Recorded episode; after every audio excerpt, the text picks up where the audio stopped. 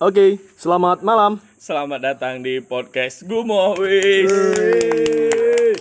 Eh, kembali lagi ke podcast kita, podcast Muntahan, ya di mana kita bakal bahas banyak banyak banget keresahan-keresahan, kegelisahan kita selama kita hidup sebagai mahasiswa, sebagai makhluk sosial dan juga makhluk yang eh, butuh asmara ya. Ya benar sekali. Jadi eh, dari sekian banyak yang bakalan kita bahas nih, malam ini kita bakalan ngebahas tentang eh, ekspektasi tinggi, nilai jual rendah. Ekspektasi tinggi, daya pikat rendah. Oh daya pikir rendah.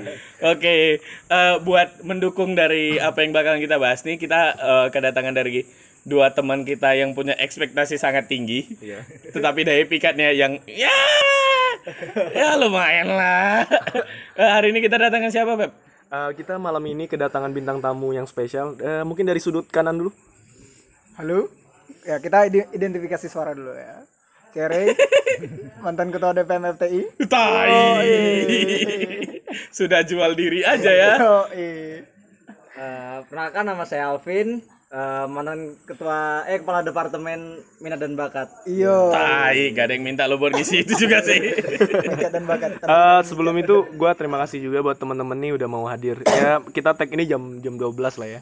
Iya. Jam 12. 18 ya. Ya, jadi gua gua sama Bang Anwar sebenarnya eh terkait ide ini banyak ya. Tapi kita sendiri tuh sangat sulit untuk menemukan figur yang tepat nggak sih? Benar benar benar benar benar. Apalagi bahasan malam ini kita ekspektasi tinggi daya pikat rendah nih. Iya iya, kita kesusahan mencari orang-orang yang ekspektasinya itu ya daya pikirnya itu menyamai ekspektasinya itu susah banget kayaknya sekarang Betul ya. ya.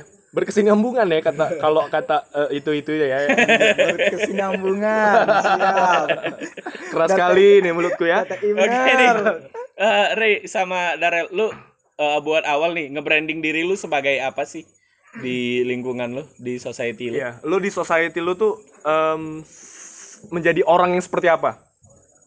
Kalau aku sih ya sama orang-orang pasti selalu terbuka, selalu kayak gimana apa adanya. Aku sih kayak asik aja gitu dipandang ya, ya sebagai orang yang asik Pandang supel. sebelah mata. Enggak. Berarti berarti lo sendiri eh, tipe orang yang mau lo profile lihat siapa pun ya. Nggak nggak peduli itu mungkin ya lebih muda atau lebih tua dari lo, lo tetap mau jadi figur yang dikenal lo profile gitu. Atau sepakat. gimana? Sepakat ya?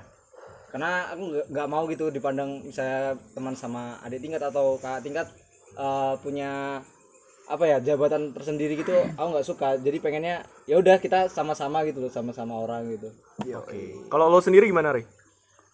Eh nge-branding Eh, kalau lebih ke gue pengen dipandang sebagai ini gue bisa bilang gue senior gak sih sekarang anjir semester 7 juga soalnya kan. Seraja Oh, di nggak sini ya. selalu aja lo Iya, mau iya. eh, memposisikan diri lo sebagai Enggak apa? sebagai mahasiswa lah Sebagai mahasiswa. Badi. Mungkin fokus ke personality deh. Apa sih yang lo mau Personality. tawarkan sebagai Ah. Ray ini? Iya, Oh, gua mau lebih- dikenal seperti apa sih gitu? Oke.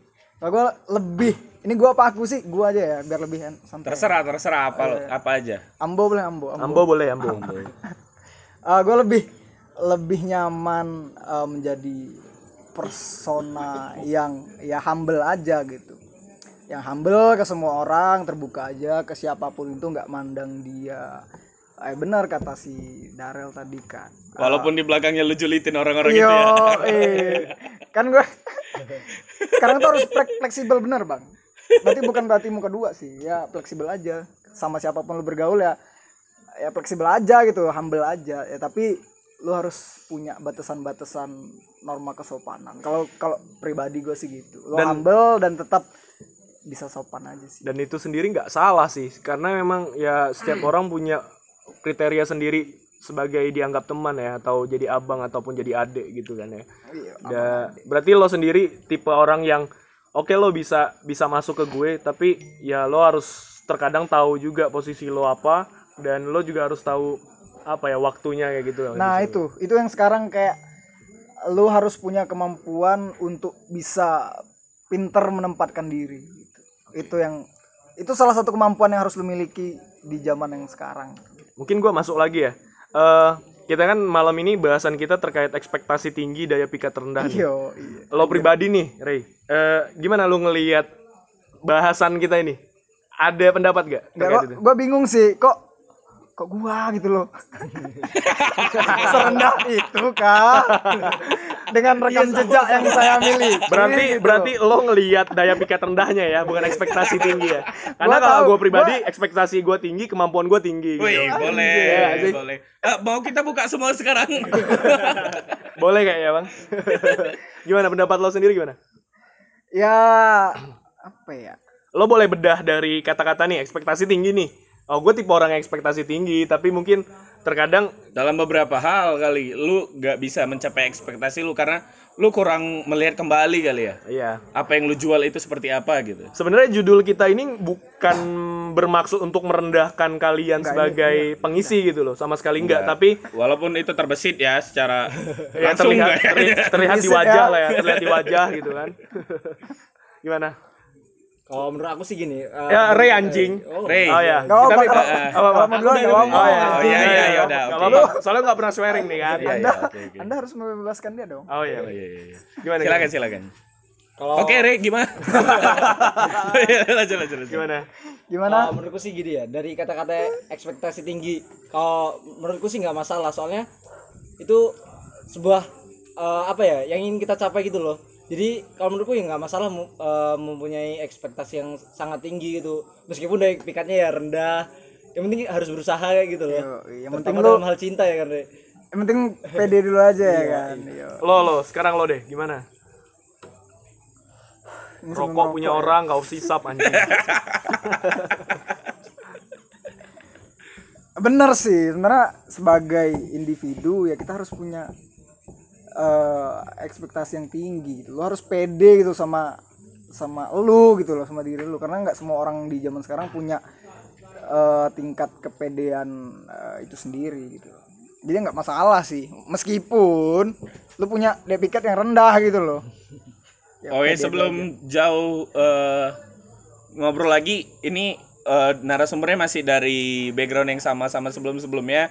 Mereka sama-sama mahasiswa eh, UPN Veteran Yogyakarta ya, Iya. di dari Teknik Industri angkatan 2016. Eh, sama seperti yang lain-lainnya, kami masih ngambil narasumber dari lingkup-lingkup sekitar kami. Jadi sama teman-teman semua yang mau ikut bergabung yang silakan aja eh, dari podcast sebelumnya mungkin tahu Instagramnya kami silakan dihubungin aja. Tuh. Eh, gua masuk terkait bahasan. Sebenarnya eh, tema ini nggak melulu tentang asmara sih. Iya, Eh, apa pun bisa sih. Betul. Jadi bisa gue tuh eh, kami berdua tuh juga kepengen eh, bahasan ini nggak di lingkup asmara doang karena kalau asmara ya kalian payah gitu kan. Kita sudah tahu ya kan. ya, ya, balik lagi ya. Gue pengen eh, kita bisa bahas masalah kesuksesan kalian nih atau keresahan eh, terkait pertemanan, nilai jual seba- kalian sebagai individu. Nah, mungkin sebelum kita bahas terlalu dalam nih, lo sendiri dari dari Darel deh misalnya, dari Alvin. Lo sendiri sehabis ini apa yang lo harapkan dalam hidup lo? Perubahan apa sih yang mau lo harapkan? Ya kebetulan juga kita udah ngisi tahun baru ya. Iya. Kalau untuk yang pertama sih bisa bangun pagi pertama. Yang kedua karena sholat. Terus ya apa ya itu sih yang paling utama karena eh, pernah dengar suatu kemajuan yang besar tuh dimulai dari hal-hal yang kecil, dimulai dari dengan bangun pagi kayak gitu sih. Bijak banget. Lanjut. Apalagi tuh Rel, kira-kira bangun pagi nih misalkan step itu lo udah lalui ini gampang kan ya? Sama gendutin diri. Pindutin diri. Oh, oh. Kalau lebih besar ya, pandangan lebih besar ya. Pandangan lebih besar. Eh, Lo belum nge-chief apa sih yang belum di hidup lo? Atau dari hal-hal kecil itu, lu berharap itu ngelit ke ekspektasi yang seperti apa gitu loh. berharap yang paling deket sih eh, apa ya? Ngomongin ngomongin lulus gue tabok loh. Selain lulus ya pengen punya usaha sendiri sih. Jadi eh, pengen punya usaha penghasilan sendiri biar cepet ngebagiin orang tua kayak gitu. Kalau lo sendiri apa ap- eh, jenis usaha apa sih yang lo lagi tertarik banget nih? Kayaknya gue banget nih. Gue banget nih yang nggak bisa bangun pagi gitu kan. Gue tadi eh, pengen usaha ya gara-gara itu biar apa ya? Bebas gitu loh dengan dunia gue sendiri. Jadi Iya. bebas mau bangun siang mau bangun pagi ya terserah gue kayak gitu. Makanya pengen punya usaha sendiri gitu sih. Kalau Ray gimana Ray? Yang lu harapkan ke depan. Iya, iya. Ya, yang gua harapkan ya kiriman gua lancar. Ngomong-ngomong uang jajan nih. Karena susah, men. Zaman sekarang ya lu kalau tidak dengan eh, finansial yang mencukupi dan lu punya ekspektasi yang tinggi, lu bakal ya gimana ya? Agak susah gitu loh. Karena ketatnya dunia persaingan dalam hal meraih ekspektasi tadi. Ya, iya. Berarti dari lo sendiri em, faktor finansial tuh sangat penting ya buat kita ngeraih Sangat, sangat apa pun yang penting. kita Ah. rencanain ya. karena ya walaupun semua sesuatu nggak bisa dibeli dengan uang tapi semua sesuatu butuh uang gitu loh sekarang Benar benar. makanya Tapi kan bisa nyicil sekarang, Cok.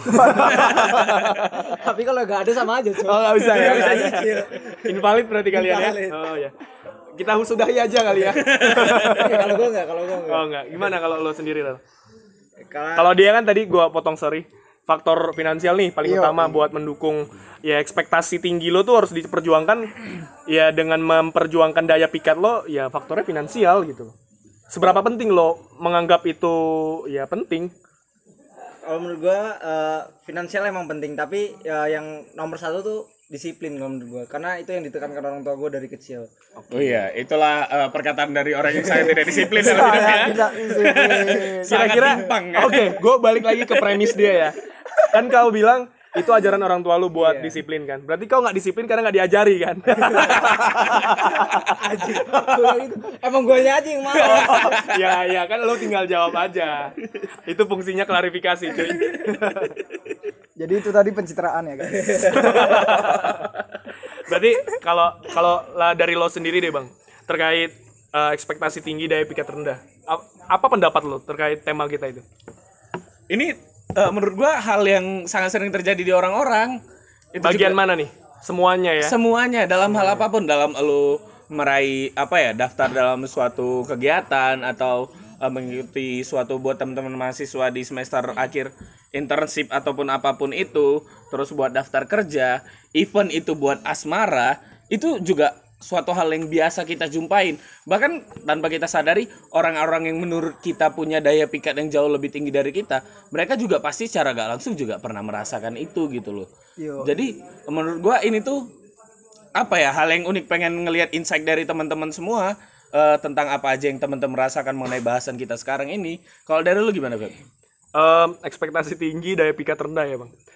Em, itu kemauan dulu sih kemauan dari kita sendiri ya. Karena sarana yang dikasih kita saat ini ya apa ya? Ya satu teman. Karena teman buat lo berkembang pasti. Dua mungkin teman. Teman lagi. Tiga ayah kayak kata-kata nabi ya. Ibu ibu ibu ayah gitu ya. Enggak sih paling teman. Karena lingkungan teman itu yang bikin lo berkembang. Itu satu. Bukan cuma soal hal pikir eh, faktor keuangan itu. Enggak juga. Karena ya kalau balik lagi tapi benar juga faktor keuangan. Gue bisa bel- banyak belajar dari Ray gitu kan. Bahwa ketika lu punya motor tidak ada lampunya, susah ngajak cewek jalan. Iya, maksud gua nggak cuma bahasan terkait keuangan yang bisa gue belajar ya, terkait dia manajemen masalah, terus gimana cara lo ngungkapin masalah lo terhadap kenyataan itu, itu harus yang dipelajari gitu. Pinter-pinter menutup ya, tiba-tiba lapar, ya. tiba-tiba ngerebus Indomie ya gitu. sedih lapar senang lapar ya kan Udah gitu Indominya satu dibagi dua, satu buat pagi, satu buat siang. Bumbunya juga setengah ya. Iya. Satu pakai bumbu asin, satu bumbu pedas.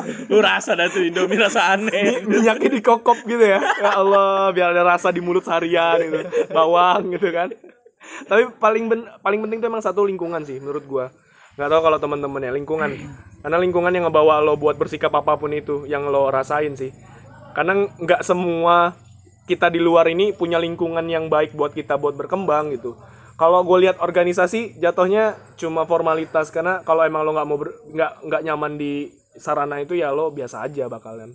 Jadi buat memenuhi ekspektasi tinggi lo ya ngalir aja sih. Gue tipe orang yang ngalir sih gitu sih bang kalau gue gue sebagai salah satu orang yang sangat aktif di organisasi anjing males gue ngomong jadi nyentuh organisasi tadi sebenarnya ya sama aja ketika lo gak nyaman berorganisasi ya emang lo gak bakalan dapat efeknya.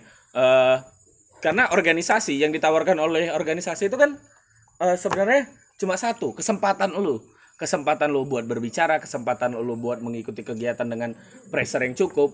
Ketika lo tidak memanfaatkan kes- kesempatan itu ya lu gak bakalan berkembang sampai kapan pun. jadi ketika lu merasa organisasi tidak memberikan gua apa-apa salah. Organisasi memberikan lu kesempatan untuk lu bisa lebih aktif. Yang mungkin tidak didapatkan orang di luar organisasi secara mudah gitu loh. Jadi eh, buat orang-orang yang punya ekspektasi eh, dalam hal organisasi untuk dapat ini dapat ini dapat itu tapi lu tidak memanfaatkan yang menurut gua ya itu salahnya lu bukan salah organisasinya gitu. Nah itu deh. eh apa ya? Setuju sih semua bahasan kita tuh tergantung orangnya ya buat buat bisa mencapai ekspektasi lo yang sangat tinggi itu. Tapi eh, fokus fokus bahasan kita nih gak cuma soal. Nah mungkin kita udah mulai masuk aja deh terkait apa ya tema yang pertama kita bahas ya asmara kali ya asmara nih. boleh boleh Di luar asmara dulu deh kayaknya. Atau di luar seru. asmara dulu aja Asmara ya. nih kayaknya seru Di banget. akhir aja kali Iya, ya asmara buat teman-teman buat juga bisa aja bisa tahu lah pandangan dari orang-orang ini kan. Waduh. Eh kayak sedih kali ya semara kita apa definisi lo terkait nilai jual? Nilai jual lo sebagai pribadi yang buruk. Kok langsung ke buruk gitu? Ya kan kita awalnya pencitraan. ya dulu makanya kan. nilai jual lo apa buat sigma gua bilang buruk itu gagal gitu. Nggak bisa nolak kan? Ya keburu soalnya. Nggak, di awal kenapa harus dibuka dengan yang buruk gitu loh? Karena disclaimer di sini kami emang mematikan karakter. Iya, Ya, Bang, ya? tidak ada yang boleh lebih menonjol daripada kami. Iya, Anwar dan Febri. Udah itu aja. Po- Poinnya di situ. Boleh. Balik yuk. Atau gue ganti deh pertanyaannya. Nilai jual lo deh. Lo apa yang bisa lo tawarkan ke halayak ramai yang kenal lo, yang lo belum pernah ungkap, lo pengen ungkap di sini gitu loh. Secara general dalam hal apa pun, gua tuh orangnya gini gitu. Atau lo sendiri pernah secara pribadi, gue kok direm- diremehin banget ya soal ini. Gue tuh nggak kayak gitu loh. Gue gue sebenarnya ya karena ya apa dengan alasan lo sendiri gitu. Eh, nilai jual. Apa ya? Ya gua mantan ketua organisasi atau lembaga tertinggi di fakultas gitu kan siapa nggak kenal Ray gitu kan di fakultas Lu gitu. siapa tadi? walaupun gua AFK nggak ngapain Udah gitu doang. Nggak ada nilai jual berarti kan? ah Wah, sangat sedikit ya. gue minim prestasi emang Secara pribadi deh, Iya, apa? secara pribadi aja deh. ya lu menganggap nilai jual itu gimana? Atau gini deh, gue ubah lagi ya bang. Eh, SMA nih, lo tidak menampilkan apa yang lo tampilkan di kuliah ini. Dulu orang-orang nganggap lo kayak gini, atau memang dari SMA lo dianggap buruk. Kalau segi prestasi sebenarnya gua orang yang sangat Eh, tapi berprestasi lu SMA kan? SMA Oh, iya, iya, iya. masa SLB bang mungkin bang Nggak, maksudnya sekolah luar biasa ini juga bagus, tapi kan ada keperuntuannya lah ya. Iya, iya, iya. Lanjut lanjut. Tai gue. Hai kawan Cing. bisa banget bersih-bersihnya ya Kau yang ngotor kami yang bersih anjing. ya kalau rekam jejak sebenarnya dari SD emang lebih lebih tertarik ke organisasi sih gitu emang dari SD gua ak- sangat aktif di organisasi Itu yang mengakibatkan akan lebih Ah. buruk. salah satunya Salah satunya ya. SD gue cerita background dulu ya apa boleh, ya. boleh. SD gue sangat sangat aktif sih dari SD SMP SMA kuliah sangat orang yang benar-benar organisatoris gitu kan Wih. SD gue aktif di pramuka ya walaupun wajib sih emang emang wajib sih itu gak aktif namanya, tai. Kau terpaksa men. SD gue selalu ranking satu gitu kan Ya, Dari dua orang. Pantas. Yang satu jarang masuk. bener beneran tapi ini sumpah ya dari SD gue ranking satu terus SMP gue 6 semester gue selalu ranking satu juara umum ya walaupun ya SMP di kampung tapi SMP masa-masa kejayaan sih ya. Kalau di kampung kampungmu berarti bukan enam tahun ya, enam semester. Tadi kau sebut itu. Beda kurikulum. SMP, eh, SMP. SMP mana cok yang SMP, 8 SMP. semester anjir SMP, SMP. SMP gue rekam jejak jadi ketua osis SMP Wih, keras. Ya, jadi gue setiap jenjang masa sekolah gue beda-beda organisasi Oke. SD pramuka SMP aktif osis Itu katanya ketua OSIS pas lu SMP gak ada yang mau daftar ya? Dikasih door prize. Main-main ke giveaway jembatan Matrix. Jembatan Matrix ya. Anjir. Nggak, cu. Jadi SMP gue di kampung. Jadi kalau berangkat itu 4 kilo motoran kiri kanan hutan. Biar Tuhan kan berikan jalan. Sedih amat. Lu yang yang yang Iya, lo Secara garis besar aja Ah, garis deh, besar gitu. aja. Maksud gua apa yang lo dulu diremehi, terus sekarang lo tunjukin kalau itu nggak benar gitu loh. Simpel itu aja. Misalkan lo dulu Gua sebenarnya sangat suka yang namanya organisasi karena berangkat dari diri gue yang emang dulu sangat-sangat pemalu dan sangat-sangat penakut. Dan bayangin dulu waktu SMP gitu kan kalau disuruh maju ke depan ngapain aja ke depan itu gua takut dan gemeteran setengah mati gitu. Dan cara mengobatinya ya gue coba dengan organisasi gitu. Dan gue memberanikan di, di organisasi gue belajar eh buat berani sih kalau organisasi. Makanya gue berangkat ke sini pun jauh-jauh dari Sumatera berangkat kuliah ke Jogja. Niat gue emang nggak sekedar buat eh, belajar baca tulis hitung gitu. Karena gue dari awal emang memantapkan diri ketika gue berangkat merantau gue harus dapat hal yang lebih gitu loh. Kenapa lu harus merantau? Kalau emang cuma belajar baca tulis hitung ya mending gue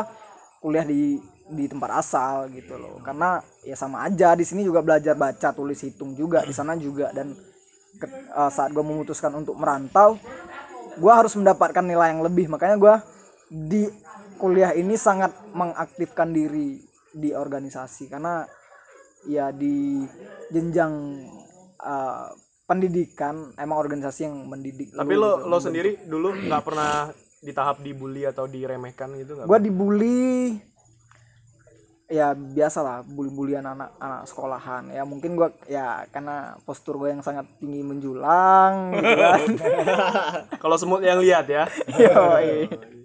ya biasa lah bulian bulian anak Bulan itu lo pernah mengalami itu ya. pernah mengalami Tapi kalau di di mahasiswa sendiri, lo juga gue yakin lo pernah mengalami hal yang serupa Sering, kan. sering. Tapi apa yang membedakan bulian itu sekarang sama yang lampau? Ah. Atau emang dari lo sendiri udah kebal ya udah biasa aja gitu? gua di tahap kedewasaan lu menanggapi sebuah eh, apa yang apa ya Ma- apa ya namanya terjadi di diri lu gitu loh ketika lu dianggap eh ah misalnya gua lu pendek gua menyikapinya lebih ke ya emang gue pendek lu terus mau apa gitu kan lebih ke sana sih Akhirnya berantem.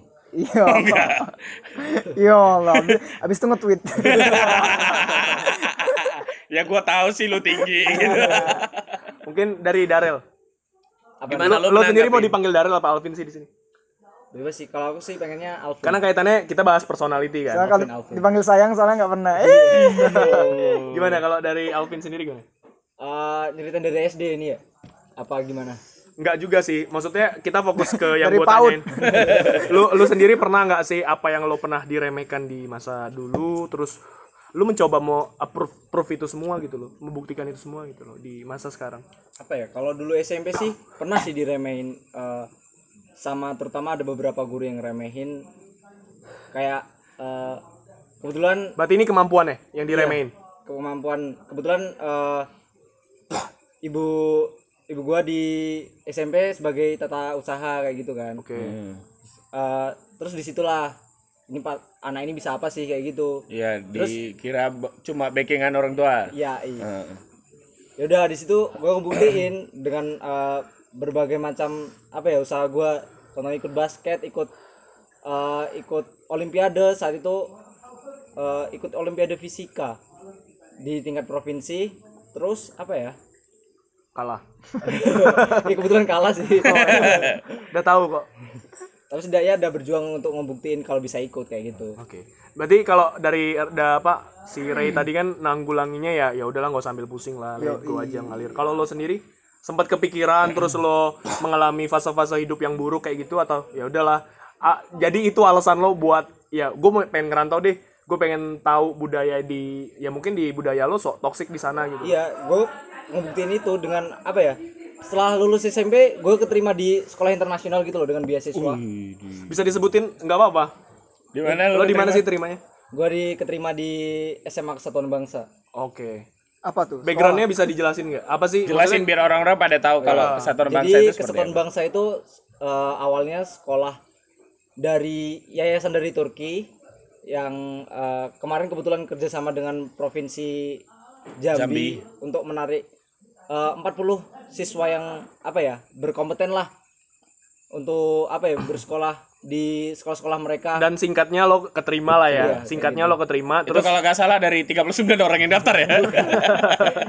itu kebetulan tik- tesnya panjang banget dari kecamatan rangkaiannya ya, iya, kayak gitu. rangkaiannya. Singkatnya lo keterima dan dan ya itu ngebungkam mereka semua gitu loh yang ngerendahin ngerendahin gua sama ibu gua kayak gitu Iya, siap, siap. siap. gue setuju sih karena diskriminasi masih parah ya. masih parah Masih parah ya? sangat parah di sana Di sini pun lo gimana ngerasa diskriminasi masih ada nggak sih?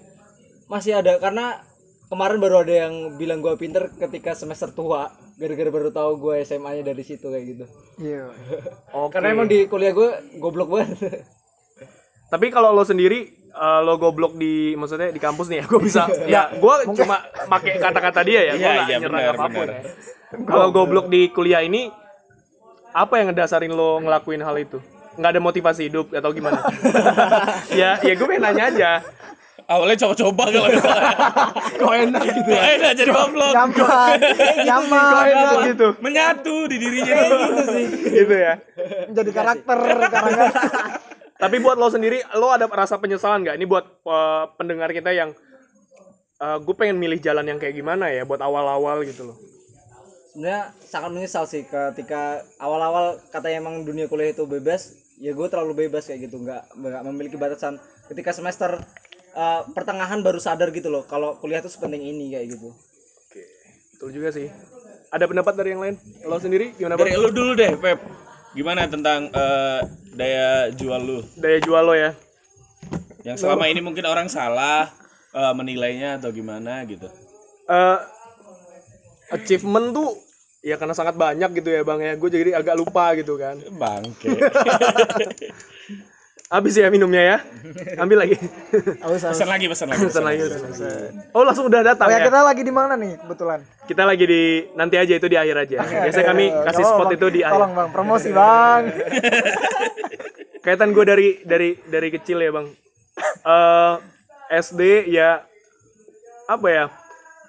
SD gue negeri, SMP negeri, SMA negeri. Ya memang itu buat orang-orang yang mungkin udah biasa itu sesuatu yang hal biasa aja gitu loh. Tapi dengan perjuangan lo di bisa nggak bayar atau tahapan ya orang tua lo cuma tinggal daftar sama bayar-bayar tetek bengek yang yang simple aja itu menurut gue udah salah satu achievement aja buat gua. Kalau masalah lomba, gue beberapa kali ikut lomba juga dan juara. Dan itu memang ya udah biasa aja karena memang di sekolah ya yang namanya lomba udah biasa kayak gitu kan. Kalau ba- balik lagi kita ke mahasiswa sekarang, gue tertarik juga sama alasan gue pengen ke Jogja itu alasannya memang karena gue pikir oh udah nggak udah nggak masuk deh kalau di gua harus kuliah di Tangerang saya sorry aja bukan berarti gua ngerendahin kampus-kampus di sekitar sana tapi gue nggak masuk aja sama pola kehidupan di sana gitu Oh loh, iya, oke.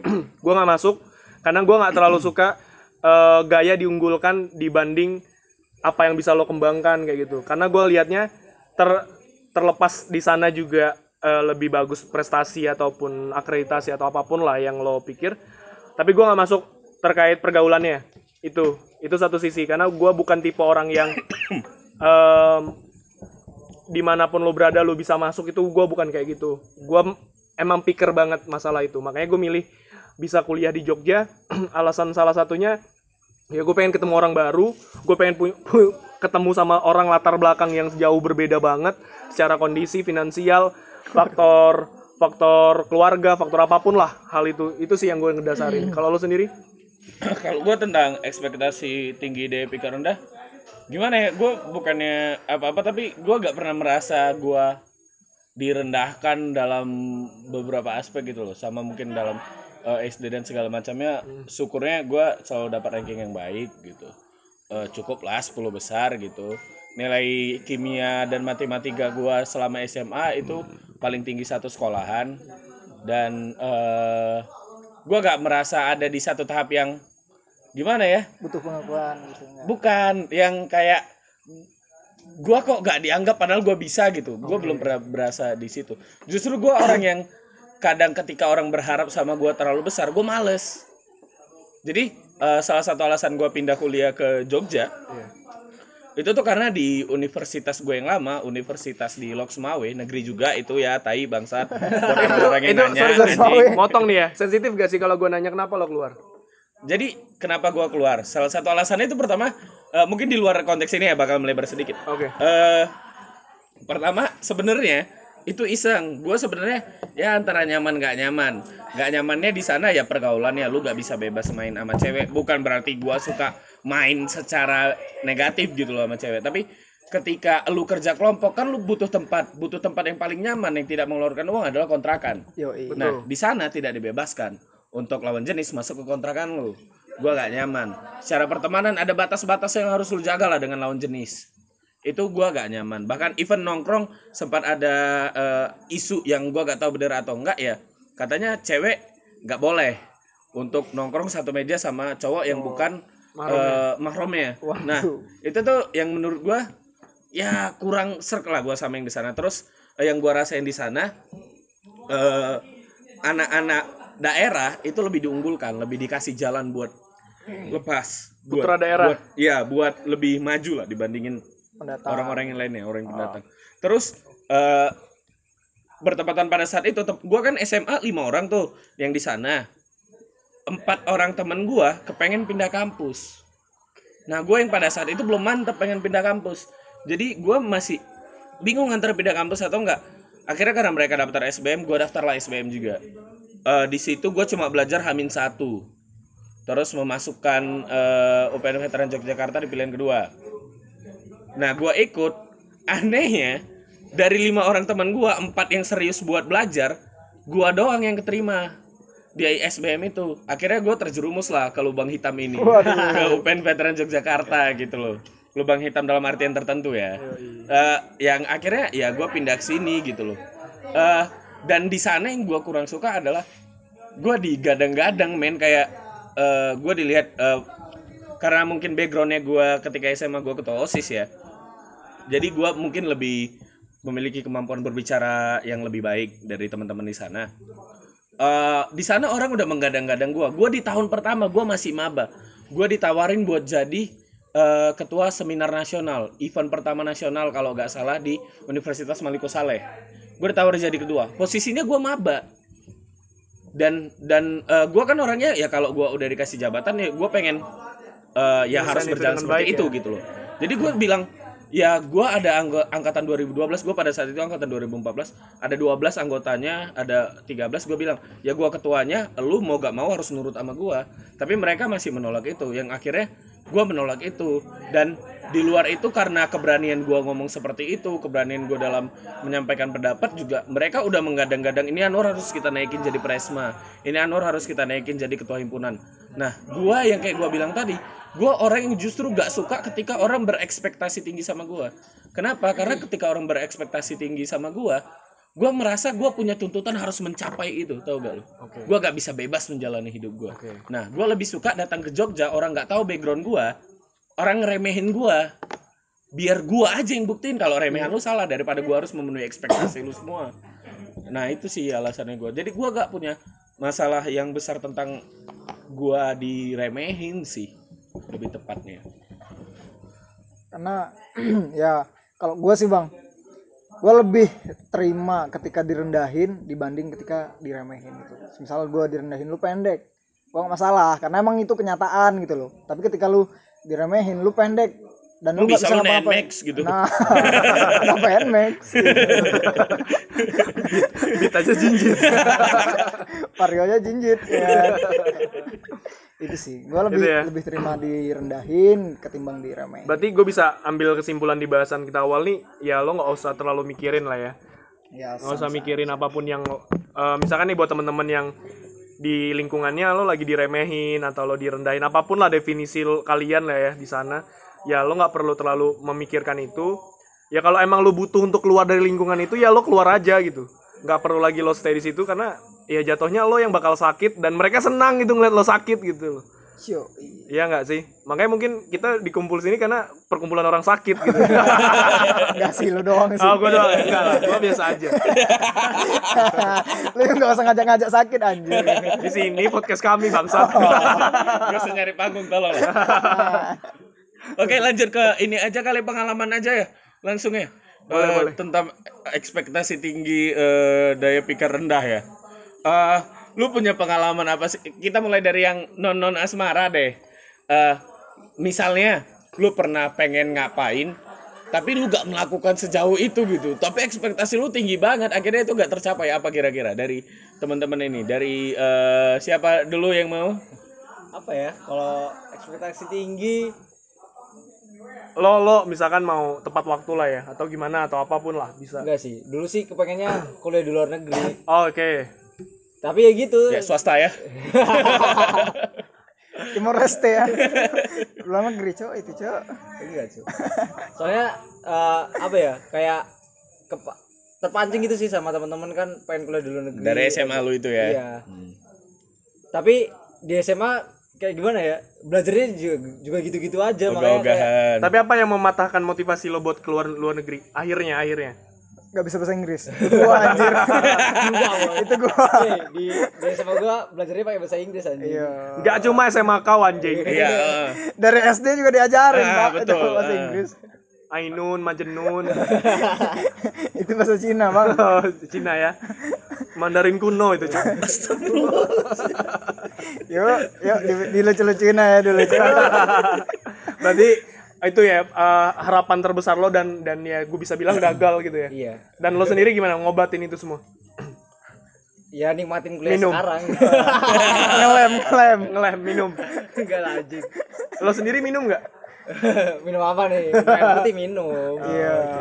Tai sekali Anda. Ya memang oke. sini nggak ada karakter yang bagus. Pokoknya yang bagus itu cuma Febri dan Anwar. Iya betul. Ingat. Eh Ri, eh, lu bagi kisah lu dulu deh yang ekspektasi lu tinggi banget nih. Tapi nggak usah yang melarat, Cuk. Tapi nggak butuh Tapi lo kesedihan terbiasa itu. dengan Cukup melarat kami sih. cukup kami aja yang tahu kesedihan hidup lu yang terlalu dalam gitu. Apa? Apa lu cerita apa kek? Atau dari gua dulu? Ya, dari abang. Dari gua gua yang Ntar kita paling paling simpel sih.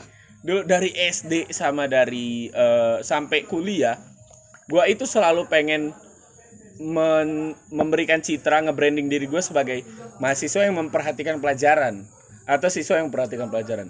Jadi gue sering merhatiin secara eh, apa langsung gitu dari event sampai awal-awal perkuliahan sih. Eh, gue perhatiin ketika dosen menjelaskan, ketika guru menjelaskan, gue timpalin omongannya. Ketika kan sekarang sering tuh, ini jawabannya berapa atau rumusnya apa. Nah itu gue timpalin tuh.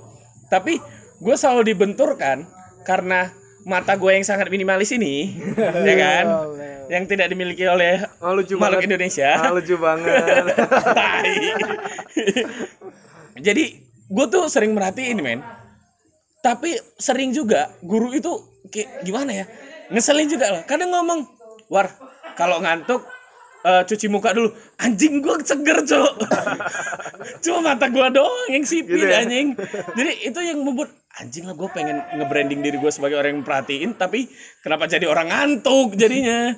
Jadi itu yang menurut gue ya secara garis ya gak terlalu besar ya ya gitu sih paling beberapa Dari Kalau lo, kalau lo Ray, ada nggak? Ekspektasi. Atau ya mungkin nggak semua orang punya cerita itu sih sebenarnya ya, karena nggak semua hidupnya bergelombang gitu ya. Mungkin ada yang datar dan itu nggak salah datar pun. Gua, gua kalau masalah akademik emang dari awal memantapkan diri untuk ya gua tujuan gua ke sini nggak nggak sekedar akademik gitu loh. Lanjut lanjut.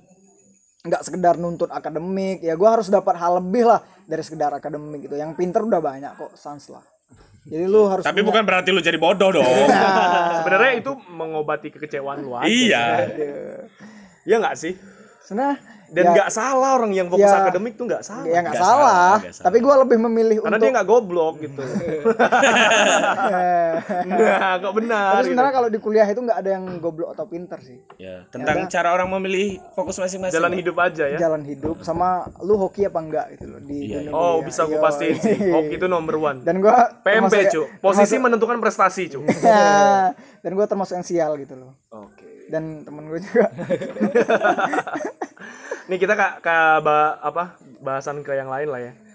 Kalau lo ngelihat kesuksesan nih, ya lo nggak udah bukan lagi di tahap lo bisa hahaha hihi gitu loh terkait kesuksesan. gua pencapaian berarti ya nah gua termasuk orang yang tidak memandang sempit apa itu pencapaian gitu Oke. kayak orang-orang dapat juara ini dapat eh, penghargaan ini ya gua pengertian pencapaian gua nggak sesempit itu sih gua memposisikan diri gua gua berangkat dari background yang eh apa ya yang bisa bertahan kuliah sampai 7 semester pun Itu hal yang bagus. itu gitu. sangat menurut gua pencapaian nah gua Oke. gua contohin gini misal ada artis artis yang bisa keterima di universitas nomor satu di dunia menurut gua oke keren tapi menurut gua B aja gitu ya emang seharusnya lu dengan apa yang lu miliki dan lu bisa dapat itu gitu ketimbang gua lebih lebih wah terhadap semisal nih ada anak seorang tunawisma tuna apa Iya, sih itu kaitan itu glorifikasi itu lo setuju nggak sih? Ah, gua lebih Anak tukang beca lulus S2 dengan IPK 7. Nah, gue lebih lebih lebih menganggap itu wah karena emang eh realitanya itu untuk susah ya. untuk orang yang background seperti itu prioritasnya sebenarnya bukan itu gitu loh. Oke. Lulus tepat waktu pun udah Tepat suatu hal waktu yang itu suatu bagus ya. pencapaian. Jadi jangan memandang sempit apa itu pencapaian sih. Menurut gua ketika lu nggak dapat penghargaan apa pun di ketika lu ku- kuliah bukan berarti lu nggak punya pencapaian gitu loh. Iya iya benar. karena kita berangkat dari background masing-masing, berangkat dari kondisi keluarga masing-masing, kondisi kondisi ekonomi masing-masing. Menurut gua gua eh, bisa bertahan kuliah sampai 7 semester ini sebuah pencapaian yang luar biasa. Ya karena delapannya nggak jalan kan. Kenapa dipatahin? kalau gua sedang membangun diri ini. Kalau lo sendiri deh, Vin, Alvin, gimana? Tawa tapi gua gimana? 10 semester. Pencapaian deh, pencapaian. Wajib gua udah 10 ya bangsat. ya Allah. Nanti gue hitungin kalau 11, Bang. Buku perwalian masih banyak, Bang. Bisa ngambil lagi kan? Bisa ngambil lagi. Lo sendiri deh, Vin. apa tuh Eh, pencapaian deh. Ya tadi mungkin kalau di eh, kalau Ray kan masih berkutat ke hal-hal itu kesuksesan tadi oke gue tertarik sama lo kan bilang mau bikin usaha sendiri kan Eh, apa step yang bakal lo mulai ketika lo, lo lulus nanti Bangun pagi. bangun pagi tapi tapi nggak mandi cuk. Jadi tidak Dengan lagi. kenyataannya kita jam 1 masih di sini. oh iya gimana mau bangun pagi ya? Apa ya? Kesuksesan deh secara umum deh. Kesuksesan. lo butuh nggak sih kesuksesan? Sangat butuh sih karena udah dituntut sama orang tua. Dengan sosial lo yang ya maksudnya sosial kita semua gitu. Lo lo mau ngawinin anak orang lo aja kerja berantakan gitu nggak sih? Ini nanti kaitannya ke asmara sebenarnya. Keresahan itu ada nggak buat lo ada sih karena mulai sekarang gue udah mikirin eh lulus kuliah nih ya bener-bener lu harus hidup sendiri gitu loh. Lu harus bisa ngidupin diri lu sendiri nggak bergantung lagi sama orang tua. Itu sih pencapaian yang pengen ku capai itu pengen punya usaha yang bisa ngid- minimal bisa ngidupin diri gue sendiri deh. Hidup gue bebas dengan hasil gue sendiri kayak gitu. Dan menikah dengan janda kaya. yoi. Musdalifah ya. Yoi tapi ini bukan buat teman-teman yang baru mulai kuliah sih sebenarnya ya. kalau orang yang mulai kuliah lo fokus aja deh sama kuliah lo jangan Fokus, jangan kayak berantakan kayak bintang tamu kita gitu Waduh. IP, IP gue masih tiga kok aman. Eh, aman juga IP gua. itu tidak menentukan kesuksesan sepakat Gini loh. IP tinggi. IP tinggi. kau tahu Nadiem Makarim sudah berubah belum itu tentu sukses. Ya apalagi. Apalagi IP rendah. makanya belajar goblok Jo- jok lu basi bang Oh, biar lucu, ya, biar maaf ya, maaf. Eh, lo bi gimana bi? Tentang ekspektasi kesuksesan lo itu seperti apa? suksesan ya? Dua sih sebenarnya yang masih bikin gua sampai sekarang mungkin dalam kaitannya asmara ya. Iya, boleh. masih masih uh, abu-abu gitu loh bang. Eh gue tipe orang yang kemakan sama doktrin. Ya lo nggak bisa ngempengin anak orang sembarangan Maksudnya? Ngem- eh, ngasih makan, Makan anak orang orang. sembarangan. Oh iya. gue nggak tahu kenapa. Doktrin itu masuk di gue. Bener setuju. Dan itu faktanya ya bukan cewek matre atau apa ya. Memang ya itu kebutuhan mereka gitu kan. Eh di satu sisi gue bingung. Gue mau meneruskan apa yang udah diteruskan bokap gue yang diusahakan bokap gue atau gue mau memulai ini sendiri. Eh, entah jadi kantoran dulu orang lapangan atau apa pun itu. Tapi kaitannya sama asmara sangat penting sih buat buat sosial gue sekarang. Lo nggak bisa ngasih janji-janji kayak tai kucing itu. Nah itu mungkin yang sampai sekarang bikin gue pribadi kadang suka dilema buat nentuin iya apa enggak ya? Gue lanjutin apa ya? Ah, apa enggak ya? Gue lanjutin apa iya? Hmm. gue lanjutin apa enggak gue jadiin atau enggak gitu kan. Buat orang-orang yang tahu aja. Gua mau nyeletuk tapi ya. karena gue yakin kalian semua di sini setuju terkait mandiri finansial itu penting Yo, iya. Bener. iya enggak sih Bener. Ah, Ya, lanjutin karena gue beli rokoknya langsung miskin gitu bener, bener. Apalagi rokok nanti Januari ya ya Allah. ya Allah 29 katanya Ih, 30 bos rokok gua. haram meminta hukum Eh, ngerokok En- enggak. Aku ah nggak gue nggak ngerokok ya, maksudnya teman-teman yang yang teman-teman mengalami saya Info yang- aja Info buat aja. teman-teman. Tadi aja nggak ada yang ngerokok. Nggak ada yang ngerokok. Kita, kita gak ada yang ngerokok. Iya. tapi menghisap Kalau sih. tentang itu kesuksesan kalau menurut gue tuh tentang sukses ntar nyambungnya ke apa mandiri secara finansial tuh menurut gue sukses pencapaian itu berkaitan sama kepuasan. Nah ketika lo ngomong kepuasan berbeda tiap orang yang sama kayak Katari kepuasan orang tuh beda-beda. Ray mungkin puas dengan dia bisa berhasil dengan tangguhnya eh, mempertahankan eh, akademiknya sampai semester 7 Yo, gitu loh. berat, berat. Nah, lu itu berhenti deh buat eh, apa ngebandingin lu dengan tujuan merendahkan hidup lu apa ya memandang hidup lu sangat menyedihkan gitu loh. Kalau lu membandingkan untuk menjadikan motivasi itu cukup baik menurut gua. Tapi ketika lu membandingkan untuk melihat kembali bahwa betapa menyedihkannya hidup lu, mending berhenti deh dari sekarang melakukan hal itu. Karena gua sendiri sukses itu ya kaitan kepuasan tergantung gua puasnya gimana. Ketika gua nanti gua mau bayangin kerja gua apa. Gue itu ngebayangin sebelum gue nikah gue pengen eh, punya kerja mau gajinya berapapun tapi gue nyaman gue tidak menyesal dengan keputusannya gue oke. Eh, misalnya gue bisa gaji 8 juta tapi gue gak nyaman dengan kerjanya dengan ininya. Ya gue itu namanya belum puas gue tapi ketika gaji gue pas-pasan eh, ya maaf kalau nominal pas-pasannya berbeda ya. Eh, misalnya 6 juta. Mungkin menurut fresh graduate sekarang itu rendah lah ya untuk mencapai hidup. Tapi ketika gue merasa dengan rutinitas gue yang gue lakukan itu gue nyaman itu menurut gue udah sukses gue terhadap diri gue sendiri. Jadi ya tentang mandiri finansial itu emang bukan segalanya tapi ya emang kita perlu uang yang cukup juga lah untuk menjalani rutinitas. Ya itu tadi penjelasan sukses dari orang yang belum sukses ya. Iya betul, Iya, betul. betul bagus sekali. sekali anda nih Ah, definisi sukses. Apa sih. tapi eh, keresahan itu selalu menghantui teman-teman semua nggak sih iya lo harus sukses lo Ah, lo lebih mengutamakan pendamping hidup atau orang tua lo deh ya lo atau siapa pun deh kalau untuk sekarang orang tua sih. orang tua ya Orang tua lah. Karena fokus gua belum ke pendamping hidup. Ya masih muda anjir masih 20 tahun ya kan? Lebih ke fokus ke orang tua dulu. Tapi untuk definisi sukses dari orang yang belum sukses seperti saya eh menurut gua sukses itu ketika kemampuan lu melebihi dari kemauan lu gitu. Jadi ketika lu eh, punya eh, apa ya standar hidup yang semisal semisal lu dituntut untuk bisa menghasilkan 5 juta per bulan. Tapi dan penghasilan lu melebihi itu semisal 10 juta dan itu gua menurut gua itu udah sukses gitu. Udah sukses ya. Heeh, kemampuan lu ketika kemampuan lu melebihi kema- kemauan lu gitu.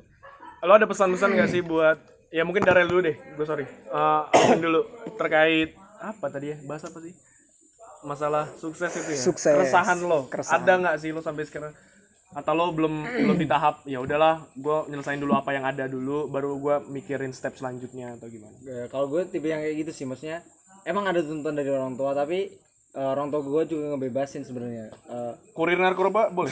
Anjingnya enggak gitu ya gue gue nanya gitu kan. Tinggal diklarifikasi aja. Kalau pakai boleh ya. kalau pakai pakai boleh ya? Ya enggak lah. Ya gimana ya? Ya kalau gue sih ya jalan dulu aja ya sekarang yang bisa diusahain apa ya tapi juga jangan abaikan ke depannya lu mau ngapain kayak gitu. Iya, iya. Berarti lo harus punya target lah ke punya depan. target. Bener sih nggak boleh ngabain juga ya. Iya. nggak boleh juga nggak dipikirin ya. Iya, ya dikit dikit aja lah dipikirin lah ya. Kalau nggak ada rebahan. Ya itu nikmatnya rebahan cuy. Berarti kalau kalian sendiri ada nggak sih pesan-pesan eh, terkait asmara nih kalian nih belum punya gandengan atau apa seberapa penting buat perempuan ketika anjing kok, kok ke gua gitu kan? Eh eh ya seberapa penting lo ngasih tahu ke temen-temen lo ah temen-temen lagi anjing anjing. Ke pasangan lo deh ya lo lo udah punya ataupun belum buat ngasih tahu ya lo kenapa nggak mencoba untuk menikmati prosesnya aja dulu gitu. Bareng gue ya kita ya biasanya sih alibi perempuan nih ya. Gue nggak nyalain sih. Alibi perempuan memang ya gue pengen nemenin dari nol kayak gitu gitulah alibi alibi ya kayak gitu kan. Tapi kalian sendiri mau tipe eh, nanti aja lah gue mau deketin perempuan ketika emang gue udah stable atau apa atau penting dari sekarang untuk memulai itu semua gitu? Uh, kalau menurut gue sih uh, minimal punya dasar sih.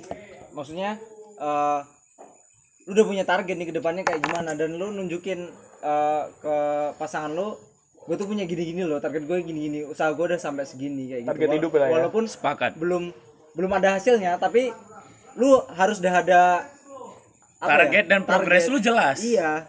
Nggak kalau emang nemenin dari nol tapi kita nggak punya apa-apa, nggak punya target, nggak punya eh, Ahlak.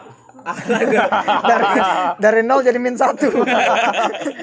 nggak punya progres apa pun ya ya lu bangsat gitu loh mau ngidupin anak orang tapi nggak punya apa-apa kayak gitu sih. Lu aja susah buat hidup ya. Iya. Dari lu Rey, gimana Rey? Untuk pendamping hidup gua belum terlalu memusingkan untuk pasangan hidup sih. bukan lo pusing ya setahun jangan dibuka dong. Kan saya pujangga sekarang. Eh, berkeliaran di lain orang-orang dan DM orang-orang. Enggak, tapi gua sedang berada di kalau untuk wanita sedang berada di fase yang gua nggak terlalu memusingkan itu untuk sekarang sih. Gua ya udah jalanin aja apa yang udah lu sedang punya gitu loh. Ya, mau ditolak-tolak. Ya, tolak-tolak. ya memang harus jadi tolak Jalan ayo. emang biasanya kalau ngajak main ke mana Eh, salah ya oh iya Samping sungai. tidak pernah ngajak main. karena motor mati. karena takut minta dibayarin. ya Allah ya Allah Eh, ini kayaknya mau ngeluarin eh, apa ya statement tentang ini terakhir kayaknya Iya. ya. Karena dia yang ngebuka ini ya. Kalau dari gue tentang pasangan itu tuh, gue agak apa ya kurang sepakat sih sama menemani dari awal dari nol bersama-sama. tapi itu kemauan perempuan gitu loh bang bukan dari kita Oh enggak, justru menurut gua perempuan mau ketika udah mapan. Mapan menurut gua mapan secara finansial. Oke. Eh menurut general. ya Tapi mapan menurut gue yang gua bilang tadi ketika lu settle sama hidup lu. Mau finansial lu gak tinggi-tinggi amat, ya itu udah mapan namanya. Nah, kalau dari gua omongan eh, yang harus dipikirin ketika ditemani dari nol adalah seperti ini. Lu cowok, lu mau ngelamar atau jadiin eh, cewek pasangan hidup lu. Terus lu cuma modal gue punya progres gini, gue bakalan gini, gue bakalan gini. eh ya harapannya lu mau nemenin gua dari nol. Yang harus lu pikirin adalah bapaknya kerja setengah mati, siang, pagi, malam, panas-panasan buat anaknya hidup senyaman sekarang. Terus? Terus ada anak orang lain yang kurang ajar yang nggak tahu ahlak datang, Pak saya cuma punya cinta, tapi saya punya proses. Ya itu sama aja bullshit gitu loh. Bapaknya capek-capek buat ngidupin anaknya, terus lu datang cuma ngajak anaknya susah. Ya itu sama aja omong kosong menurut gua gitu loh. Jadi gua agak sepakat nggak terlalu sepakat sih lebih tepatnya sama kata-kata memulai bersama dari nol. Jadi kalau dari gue, gue pengennya mapan dulu deh gue, mapan secara gue ya. Gue settle sama hidup gue. Ketika dia tahu gue settle, harapannya dia tahu dia harus settle ke hidup gue, ya baru kita jalan barengan gitu. Kalau lu gimana, Bi? gue gue sendiri nggak ada keresahan terkait ah, itu yang statement tadi yang mulai dari nol itu keluar biasanya keluar dari mulut pendamping lo biasanya ya. Karena nggak mungkin kita yang mohon-mohon lo kan ma- mau kan lo stay, stay sama gue dari nol? gitu kan. Gitu nggak. Menurut gue tabu lah. Cowok tuh mikir lah. Ya bener eh, statement lu tadi juga bapaknya udah panas-panasan Iya. pagi siang malam rebahan. Udah pensiun ceritanya Iya, atau iya, apalah iya, betul, ya, gua nggak tahu kan. Ya mungkin dia mantai rebahan. Ya balik lagi ke statement itu nggak ada keresahan apa-apa sih terkait eh, lo harus eh, ditemani sama pendamping lo dari nol atau apa. Karena hampir semua cowok hampir gue yakin semua cowok lah mikir lah ke sana. Lo nggak mungkin ngempengin anak orang cuma daun kayak gitu kan. Atau sisa-sisaan angkringan kayak gitu kan nggak mungkin kan. Tapi yang pengen gue garis bawah itu eh kadang orang bingung mau step yang mana sih yang didahulukan. Lo memulai memulai juga dengan pendamping lo dari sekarang. Lo belum settle. Atau lo settle dulu baru dapat. tapi baru eh ya ba- baru dapat. Ah. atau lo settle tapi udah kecolongan misalkan. Misalnya Wah. ya ya apalah misalkan kayak gitu. Itu itu yang kadang bikin cowok tuh dilema. Kalau cewek ya mungkin ya alibi mereka kan eh gue gue nggak ngerendahin cewek sih. Atau me- menyalahkan gender mereka sebagai perempuan. Karena memang mereka tipe atau sarana yang menerima gua filter oke asik ayo angkut kayak gitu kan. Tapi gue nggak eh, sama sekali nggak menyalahkan itu. Tapi yang gue pengen eh, bilang ke teman-teman mungkin perempuan karena di sini juga lagi kita bahasan kita cowok-cowok semua gitu. Ya lo perlu memahami kedilemaan cowok atau laki-laki gitu loh di ketika dihadapkan ayo ayo ayo tapi lo sendiri gue belum siap tapi gue belum settle juga tapi lo udah kayak gini gimana ya enaknya ya? Karena jadinya eh, antara nantinya terpaksa atau lo ya jatuhnya eh, selesai dengan nggak ada solusi apa apa ya ya lo sakit hati yang ada lo nggak mencap bisa mencapai kesetelan yang lo inginkan kayak gitu gitu banyak hal lah kayak gitu sih. Kalau gue kayak gitu sih. Oke, eh, lu mau ada nih? jadi solusinya satu pesugihan Iya. Gue gue percaya di balik oh solusi satu bang cari wanita desa Waduh. Ya, kalau nggak Yang pesugihan. wanita pesantren Eh, betul pesantren sih. adre apa ya siapa Adrai? Tapi gue percaya satu, di balik eh, cowok sukses ada orang tua sukses di baliknya. Yang punya kenalan banyak, jadi aja sukses. Itu lebih gampang, men. dan 90% kegantengan lo tuh sangat berefek besar ke kehidupan lo Iya. gua bisa pastikan itu dari orang yang tidak ganteng ya guys tadi siapa bilang Anwar Febri ganteng cowok sorry sorry Tiga nih eh, tiga kunci sukses yang gue pelajarin selama ini adalah rajin, rajin hoki, orang dalam. orang dalam. Ketika lu punya ketiga ini, lu sukses. Dijamin. dijamin ya Dijamin. ori ya Jamin, Dijamin bos. ori. Dijamin. Oke, kita pindah bahasan ke pengalaman asmara aduh yang ekspektasi lu tinggi at- misalnya cewek yang lu deketin nih cakep banget. Tapi eh lu gagal dapatinya gara-gara hal tolol gitu atau lu tidak melihat diri lu secara benar gitu. Eh apa tuh kira-kira? Atau dibuka dari gua dulu misalnya. Yoi. Jadi gua tuh sama pacar gua yang sekarang ini sebelum yang gua tuh di sana ya bang ya Heeh. Yang benar yang di sana. belahan dunia lain Jadi sama pacar gue yang sekarang ini, eh, gue deketin dia itu di kelas 2 2 SMA. SD SMA. SMA yoi Ya kelas 2 SMA. Nah, di kelas 1 gue tuh udah deketin dia, men. Melalui temen gue. Dia ini cakep banget menurut gue. Di zaman itu ya Hidden gem gitu lah. iya Gue tuh suka ngedeketin cewek tuh yang orang nggak sadar kalau dia tuh cakep. Jadi gue gak banyak saingan. Nah, gue deketin dia. Gue minta kenalan sama temen gue. Ke- eh, temen gue bilang ada yang mau kenalan nih. Diajak lah kan. Eh, ya udah mana orangnya ntar istirahat keluar kelas sama-sama nunjukin orangnya yang mana, gue yang mana, cewek itu yang mana. Tunjuk lah. Jadi gue keluar kelas, kelas gue tuh di lantai tiga seberangan sama kelasnya dia. Dia keluar, habis itu dia masuk men. Terus dia chat sama temen gue.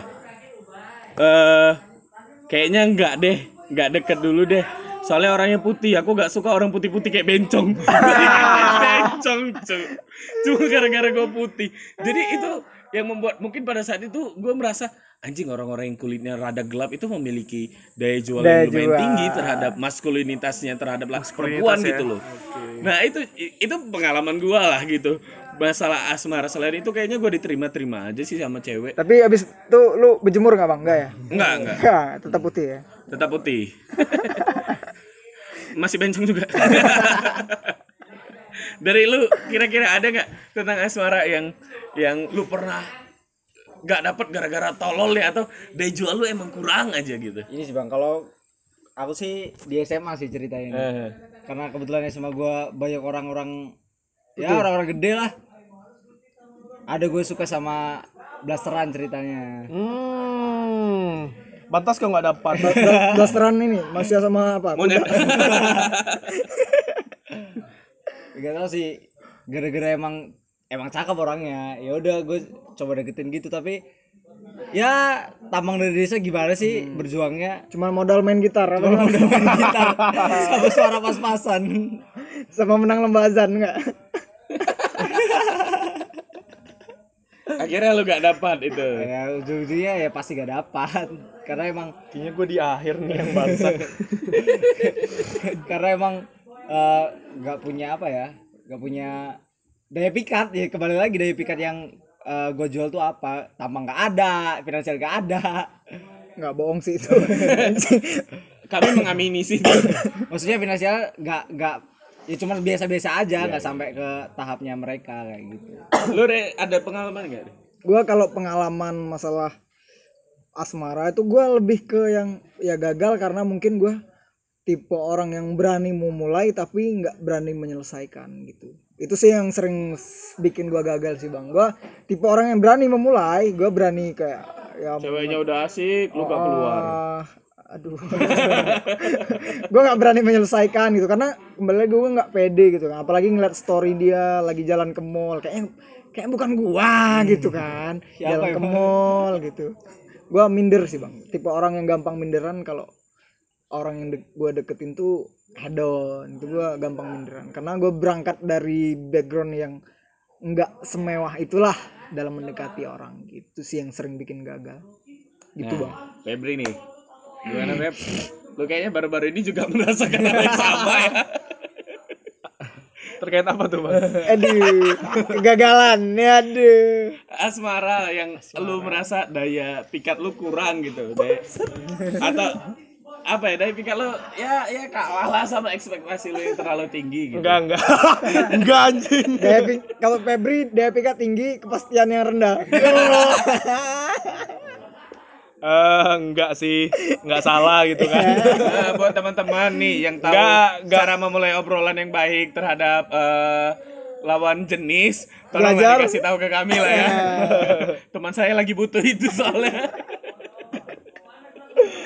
gimana gimana boy? ayo dimulai ayo Eh apa ya? Enggak enggak ya kegagalan ada. Tapi kegagalan yang mana gitu kan. yang baru-baru yang baru-baru inilah yang masih anget ya kan Atau mana aja deh yang mau lu ceritain. Eh, balik lagi sih bang, Eh, kenapa gue nggak memastikan ke siapa pun yang yang yang merasa tune in gitu ya, yang merasakan gitu. Eh, balik lagi gue, gue bukan yang nggak bisa memastikan apa pun itu semua sih.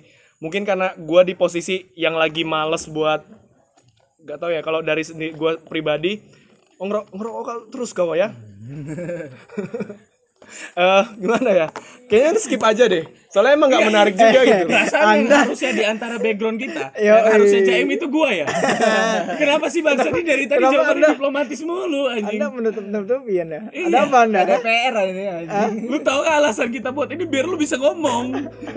Karena ini ajang kita untuk menyudutkan lu gitu loh Ya, ya lanjut ya lanjut. Eh dari dari gua sendiri ya. Kalau masalah asmara gitu kan. Eh gue tipe orang yang nggak muluk-muluk kayak gitu kan. Gua nggak melihat sesuatu hal itu penting. Karena tapi gue memastikan kalau di umur gue segini di umur gue sekarang gue pengen banget punya eh satu orang yang yang dijadiin tumbal. Yang apa ya? Ya ya bukan lagi buat main-main. Kenapa? Karena gue termasuk orang yang paham doktrin bahwa nanti ketika lo udah di tahap kerja bukan cuma soal pacar yang lo konsentrasi. Lo kan harus konsentrasi juga ke kehidupan ya, Karir. pekerjaan karir lo. Yoi. dan itu butuh waktu yang keras cuy. Lo lagi pusing di kerjaan lo balik nih ke pacar lo misalkan eh tau lo di pacar lo juga lagi suntuk ya udah hancur dua-duanya gue yakin itu makanya wah ini susah Anda relate sekali ya obrolan ini. nggak ada sih Oh, enggak. Jadi itu terlalu membawanya ke general anjing. Kita tuh udah udah bagi pengalaman bangsat. Udah menghinakan diri sendiri. Dia tuh malah ih tai banget semua. ya gue gue takutnya gue di di di di di apa? Ya lu kan nggak tahu orangnya bakal mendengarkan ini atau enggak ya. iya. Iya udah. Lu nggak dengerin. Iya dengerin. Makanya jadi ya nggak ada apa-apa sih sebenarnya. Kita kita maju aja nggak usah mundur-mundur. Apaan? ya ya gue takutnya ya gimana ya bang? Karena pasti ada beba- beberapa yang merasa gitu nggak, nggak cuma satu figur gitu loh. Oh ada banyak. Jadi ada berapa bang? ya, gue mau nanya nih. Udahlah. Eh, nggak ada apa-apa. Jadi buat teman-teman maju terus aja. Eh kasih kepastian aja. Eh dari orang yang lah, sadar, tolong. Bagi siapa pun yang merasa ya. eh aduh nanti gue jelasin yang ini yang itu yang ini ya aduh. Eh, jadi semuanya baik-baik aja Baik-baik teman-teman ya. eh, baik-baik aja kita udah baik-baik yang mana baik-baik yang mana baik-baik pokoknya Apaan sih? Anjing. goblok anjing bersih bersih yang tidak bersih kan ya. Udah. Ya udah itu aja kali ya. Eh, dari kita dari yang gua tangkap dari obrolan ini tentang apa pun itu tentang ekspektasi dan nilai jual lu. Yang gua rasa dari teman-teman ya ini yang gua rasa ya. Eh, teman-teman kita di sini Febri, eh, Darel atau Alvin dan Ray masih menjadikan material sebagai eh, apa ya nomor satu lah ya tidak bisa di nomor dua kan lah ya Yoi. Eh, sedangkan dari gua sendiri tentang kepuasan diri sendiri tentang rasa dari gua sendiri bukan bukan melulu tentang material atau materi yang lu punya lah gitu. Itu sih idealis saya. Saya nggak tahu ketika nanti bakal berubah atau enggak ya. Eh, jadi intinya tuh ekspektasi yang tinggi eh, dengan daya pikat yang rendah itu dialamin semua orang lah. Nggak Ya, usah terlalu eh, bersedih berlama-lama tentang itu. Introspeksi diri aja apa yang lu bisa tingkatkan lah ntar ke depannya. Dari lu gimana Feb? eh dari gue sendiri gak usah terlalu dipusingin sih masalah asmara kesuksesan dan lain-lain. Tapi jangan di jangan disepelekan. Karena eh, dua hal itu di umur lo nanti di umur lo yang makin tua itu ya dua hal yang paling penting. Orang tua sih jangan jangan sampai lupa. Tapi porsinya pasti udah beda dan orang tua biasanya paham. Di umur kita yang segini mungkin kita dikasih waktu untuk eh, memahami diri kita sendiri untuk kedua hal itu kesuksesan sama asmara.